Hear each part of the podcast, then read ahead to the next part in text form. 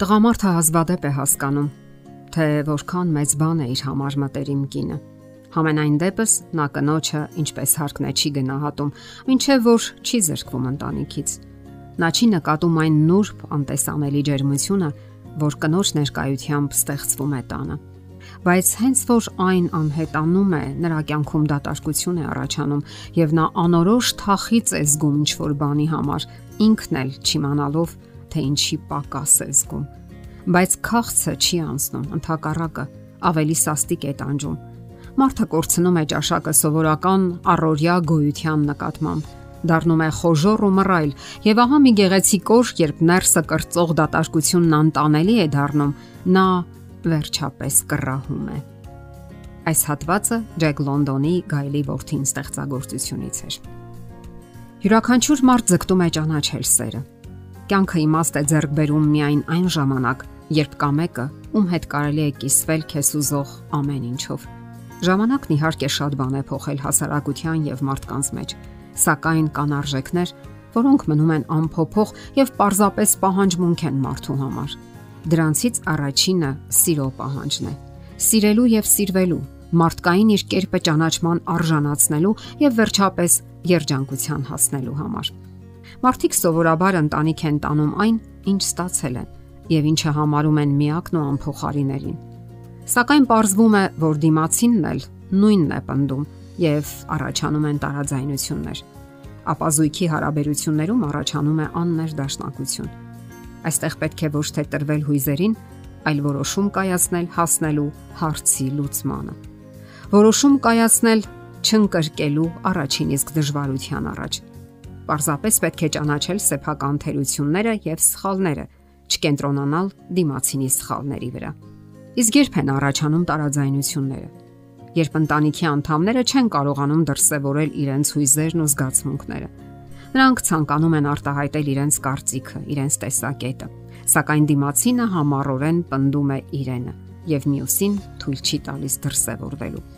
Եվ վերջապես կողմերը մեղքը սկսում են բարթել միմյանց վրա։ Նրանք մշտական հուզական ճնշման տակ են երբեմն այնպիսի վարքագիծ են դրսևորում, որի համար հետագայում ամաչում են աններդաշնակ հարաբերությունների պատճառներից մեկն էլ անբավարար շփումն է։ Եթե նույնիսկ կա շփում, ապա բացասական երանգներով։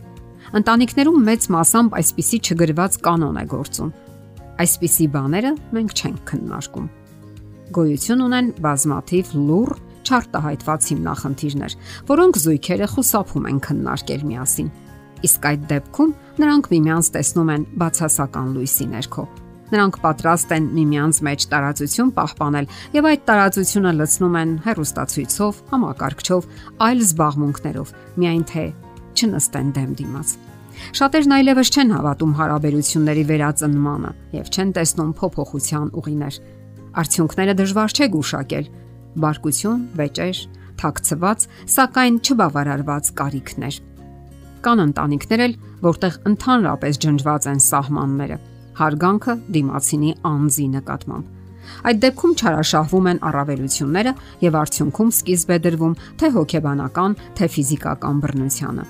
Աններդաշնակ ընտանիքներում հաստատվում է անվստահության մտնոլորտ։ Զույգը անընդհատ կասկածների մեջ է։ Անհետանում է լավատեսությունն ու հումորի զգացումը։ Դա իսկ ընտանեկան կյանքի կարևոր իրադարձությունները նշելու մասին ավելորդ է խոսել։ Լավագույն դեպքում դրանք ձևական բնույթ են կրում։ Հարաբերությունների վատթարացմանը զուգընթաց ամուսինները չեն սատարում միմյանց։ Ընդհանրապես բացակայում է ստեղծագործությունը, ինքնաբուխ մոտեցումը։ Սակայն ասենք, որ անհուսալի իրավիճակներ չկան։ Միշտ էլ կարելի է հասնել փոխադարձ ըմբռնման։ Պարզապես մարդիկ նման դեպքերում սկսում են այլ տեղերում որոնել իրենց չգտած հարցերի պատասխանները։ Նրանց թվում է, թե իրենք պարզապես սխալվել են եւ անհաջող ընտրություն են կատարել։ Սակայն դա այդպես չէ Հիմնախնդրի լուծումը համատեղ աշխատանքն է եւ համատեղ որոնումները։ Զույգերը կարող են ձգտել, ճանաչել իրենց թույլ եւ ուժեղ կողմերը, միաբանել ուժերը, հասնելու փոխմբռնման, հասկանալու դիմացինին, գնալու զիջումների։ Սակայն փաստ է, որ զիջումների գնալը շատ ցավոտ է ընկալվում զույգերի կողմից եւ ոչ մեկը չի ցանկանում զիջել։ Մարտական կեցվածք ընդունելու փոխարեն հարկավոր է հաշտության դրոշ ողրզել Ի վերջո հարաբերություններում ուսադիրներ գոյություն չունեն, եւ հպարտությունը լավագույն ելքը չէ տարաձայնությունները հարթելու համար։ Ժամանակին ասված ներողություն բառը հաճախ այն փրկողակն է, որից կարող է կարճել զույգը։ Ինչու են ամլանում ընտանիքները։ Երբ հարաբերությունները հասցվում են նվազագույնի, հույզերը չեն դրսևորվում։ Արդյունքը դժվար չէ պատկերացնել։ Ամլություն եւ նույնիսկ բաժանություն։ Պարզվել է, որ բաժանությունների 90%-ի դեպքում նույն բնորոշ իրավիճակն է։ Անցնում են առաջին սիրո ռոմանտիկ ալիքները։ Համատեղ կյանքում առաջանում են բազմաթիվ հիմնախնդիրներ, որոնք անհապաղ լուծում են պահանջում։ Դա վերաբերում է հատկապես դրամական հարցերին։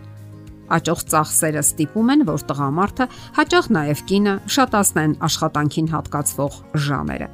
Իսկ այդ հոգնածությունը անդրադառնում է նաև ամուսինների հարաբերությունների վրա նվազում են անկեղծ շփումները, համատեղ զբոսանքները,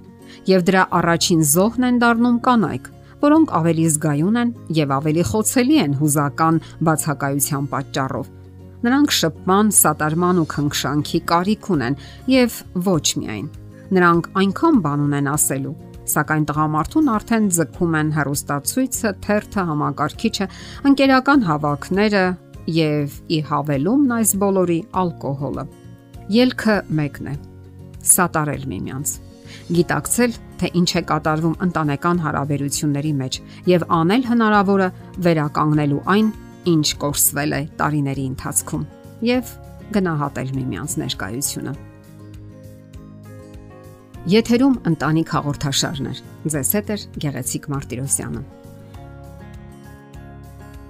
Հարցերի եւ առաջարկությունների համար զանգահարել 033 87 87 87 հեռախոսահամարով։